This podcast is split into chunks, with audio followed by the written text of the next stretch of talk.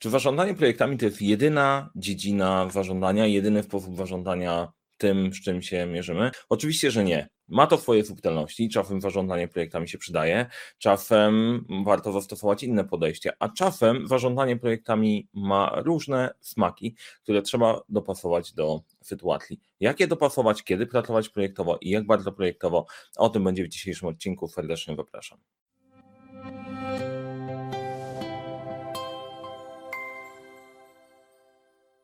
W jednej z firm, dla których pracowaliśmy, dowożąc tematy projektowe właśnie, wdrażając zarządzanie projektami, pojawiło się bardzo trzeźwe pytanie od jednego z osób, które brały udział w procesie, czy my to musimy robić projektowo, czy nie można tego robić normalnie, po co w ogóle pchać się w te projekty, jak można normalnie wszystko robić bez tego całego dodatkowego elementu, bez tej dodatkowej otoczki? To jest sensowne pytanie, to jest bardzo sensowne pytanie. Jak można by było się spodziewać, że ja zajmuję się zarządzaniem projektami, to będę mówił, że wszystko trzeba robić projektowo. Nieprawda. Im mniej projektowo robicie, i bardziej to jest podejście powtarzalne, a nie projektowe, tym lepiej. Natomiast nie da się uniknąć podejścia projektowego. To dobra informacja dla mnie, ale też dobra informacja dla Was, bo podejście projektowe będzie różne w zależności od tego, z czym mamy do czynienia. I cztery takie bazowe podejścia wykorzystamy sobie do tego, wykorzystamy do tego sobie macierz, e, która nam odpowie, jak bardzo projektowo trzeba działać, ponieważ to jest spektrum. To nie jest tak, że albo pracujesz sobie normalnie, normalnie, albo pracujesz projektowo, tylko to podejście projektowe może być różne i popatrzymy sobie całkiem klasycznie na dwa wymiary, które są istotne i pozwalają poukładać sobie to podejście projektowe, wyjdą nam z tego cztery różne sposoby projektowego podejścia. Zanim o tym opowiem, to ważna rzecz. Lajkujcie, subskrybujcie, dzwoneczkujcie. Jeżeli podoba Ci się to, co mówię, daj łapkę w górę. Jeżeli interesuje Cię temat zarządzania projektami, zarządzania w ogóle, zasubskrybuj ten kanał. Kliknijcie dzwoneczek, żeby niczego nie przegapić, bo Filmów będzie więcej, wydarzeń będzie dużo więcej, live tego typu tematy, a właśnie zapomniałem się przedstawić, czasem tak bywa, jak się zaczyna po prostu po dłuższej przerwie. Nazywam się Mariusz Kapusta, uczę jak rozpoczynać i kończyć z sukcesem projekty w świecie, w którym brakuje czasu, brakuje zasobów, a to nie brakuje problemów i pomagam te problemy rozwiązywać. E, I idąc sobie dalej, idąc sobie dalej z tematami, właśnie informacja dla wszystkich, którzy już subskrybują, bo okay, żeby nie zostawić was całkiem bezrobotnym, e, zapiszcie się na listę 12 pytań, link jest pod spodem. Mam ostatnio taką schizę na zarządzanie ryzykiem, co by się stało, gdyby się okazało, że wyniknie nagle kanał. Przygotowaliśmy backup, tak żeby te wszystkie informacje nie zniknęły i były. E, lista zapewni to, że jesteście, będziemy w kontakcie, cokolwiek złego by się nie działo. A teraz przejdźmy do tematu tego, jak bardzo projektowo warto działać i zdradzę trochę tajemnicy w tej macierzy, na jakie wymiary warto spojrzeć. Warto spojrzeć na dwa wymiary, jeżeli myślimy o podejściu projektowym. Po pierwsze, na ile unikalne jest przedsięwzięcie, z którym masz do czynienia. Czy to jest coś unikalnego, czy to jest coś powtarzalnego. Teraz, jak ktoś ty, ale projekty nie są powtarzalne. To nie do końca prawda. Są projekty, które są w pewnej mierze przewidywalne, są powtarzalne w swojej strukturze i część usług, część firm polega na tym, że odpala powtarzalne projekty, więc e, możemy mieć projekty całkiem nowe, całkiem unikalne, lecimy na Marfa, nikt tego nie zrobił, a mamy powtarzalne, odpalamy kolejne wykończenie mieszkania albo odpalamy kolejne wdrożenie podejścia, podejścia projektowego, pewne rzeczy są powtarzalne. I drugi wymiar to jest ryzyko. Mamy małe ryzyko, i duże ryzyko. E, no i to generalnie po prostu jak definiujemy ryzyko? Najczęściej, właśnie to jest ciekawostka, podejście projektowe będzie zależało bardzo mocno od firmy i ta powtarzalność, unikalność też będzie zależała od firmy. W przypadku startupu dużo więcej tematów będzie unikalnych. W przypadku bardziej dojrzałej firmy coraz więcej tematów powinno być powtarzalne. Jeżeli nie, to być może coś jest nie tak.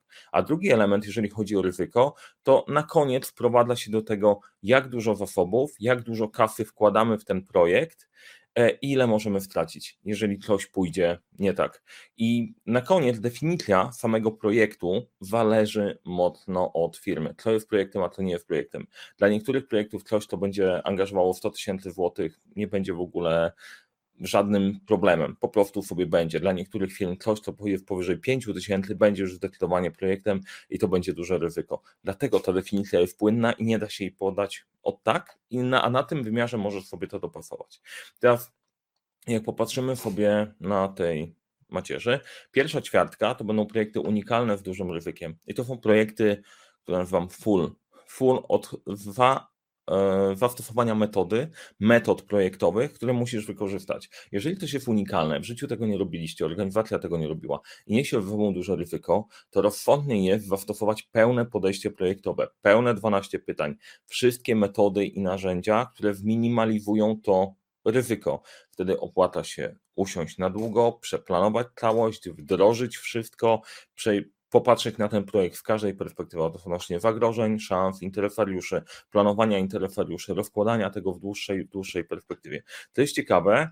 E, w niektórych przypadkach, na przykład firmy wokół software house'owych i podobnych, bardzo dużo zleceń dla klientów, które robią, też nie wszystkie, bo to też kwestia specyfiki branży.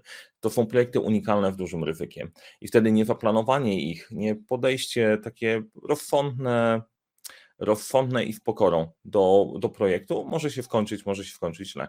I tutaj warto działać bardzo projektowo. Druga ćwiartka to projekty z dużym ryzykiem, ale powtarzalne. Jeżeli mamy duże ryzyko, ale powtarzalne, możemy zastosować pewną, pewien standard działania. Ok, to są w większości wypadków nasze projekty, na których sobie pracujemy, wiemy jak one funkcjonują i tak na dobrą sprawę mamy pewien już szablon ryzyka, który możemy, możemy zastosować. Wtedy stosujemy standardowe podejście. W ogóle to full standard i zaraz dojdziemy do jeszcze jednego, do jednego poziomu, to jest najczęściej taki model, który wdrażamy w firmach. E, oczywiście, znowu, tak jak każdy model, on wymaga dotunowania, dopasowania, co tam pod spodem się znajduje, na co, e, na co się decydujemy. Natomiast znowu, patrząc na odpowiedź, jak warto, bardzo projektowo warto działać, to przy powtarzalnych z dużym ryzykiem nie będziesz wymyślać wszystkiego na nowo. Bardziej weźmiesz plan, który jest w miarę gotowy, został przeprocesowany w wielu miejscach i dopasujesz te elementy, które są unikalne w danym, e, w danym obszarze. Wystarczy nie kombinować, dowieść ten projekt dalej. Nie wymyślasz, nie kombinujesz za bardzo. Trzeci typ podejścia projektowego to są projekty małe, projekty, małe ryzyko i unikalne. Jest to coś nowego, nie robiliśmy wcześniej, a ryzyko jest stosunkowo małe. Nie ma sensu znowu pakować tutaj armaty na wróbla, to chyba tak się mówi, nie?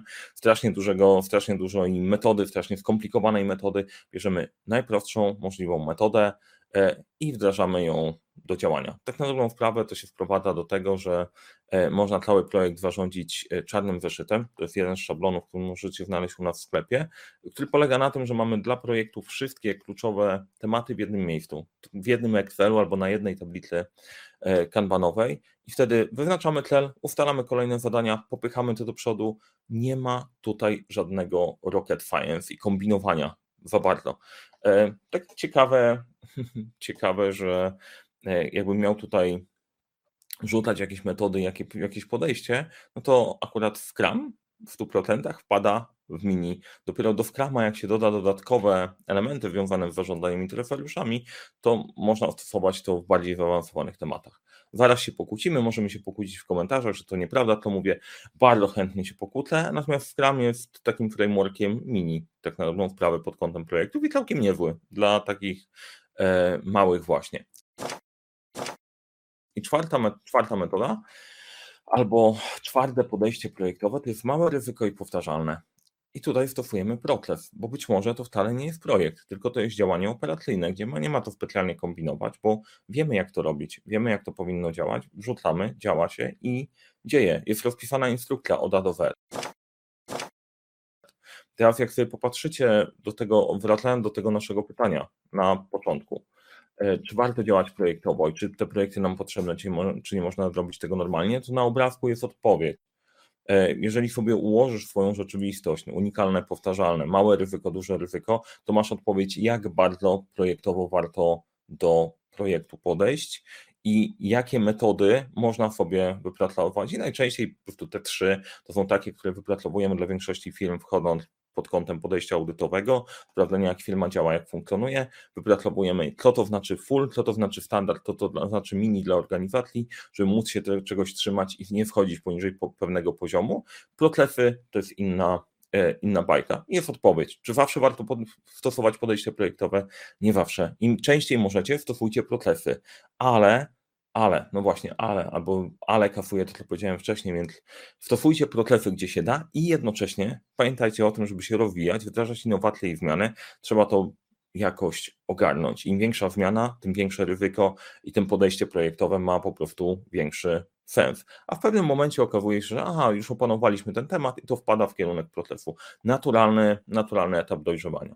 Teraz dla tych wszystkich, którzy pracują, pracują projektowo i trafiają na te różne opcje, muszą sobie dopasować właściwe podejście do właściwego sposobu pracy, to mamy dla Was niezbędnik kierownika projektu. Link do niezbędnika znajdziecie, znajdziecie w opisie. To jest zestaw szablonów, które wspomagają pracę kierownika projektu. Działasz, prowadzisz projekt, czasem się okazuje, że musisz sięgnąć po te elementy full, musisz popatrzeć na tlele, na interesariuszy, na kryteria sukcesu i tak dalej, to nie w będniku masz wszystko. Cokolwiek by Cię nie napotkało, od projektu mini do projektu full, to tam masz odpowiedź na większość najważniejszych wyzwań, które mogą się wadziać projektowo.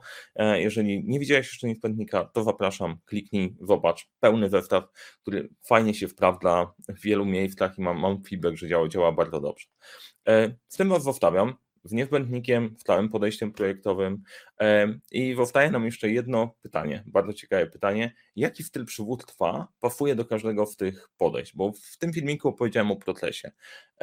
Jaki sposób, jaki proces zastosować do danego, e, do danego kontekstu. Natomiast oprócz procesu warto popatrzeć też na kilka innych wymiarów, a jednym z nich jest przywództwo i to jak będziesz zarządzał zespołem, który masz w danym projekcie. A o tym opowiem w kolejnym filmiku. Nie przegapcie go, bo będzie już niedługo. E, powodzenia w projektach, działajcie w projektach i zapraszam do kolejnego filmu. Jak się Wam podobało, polecajcie przyjaciołom. Jak się Wam nie podobało, polecajcie wrogom. Do zobaczenia.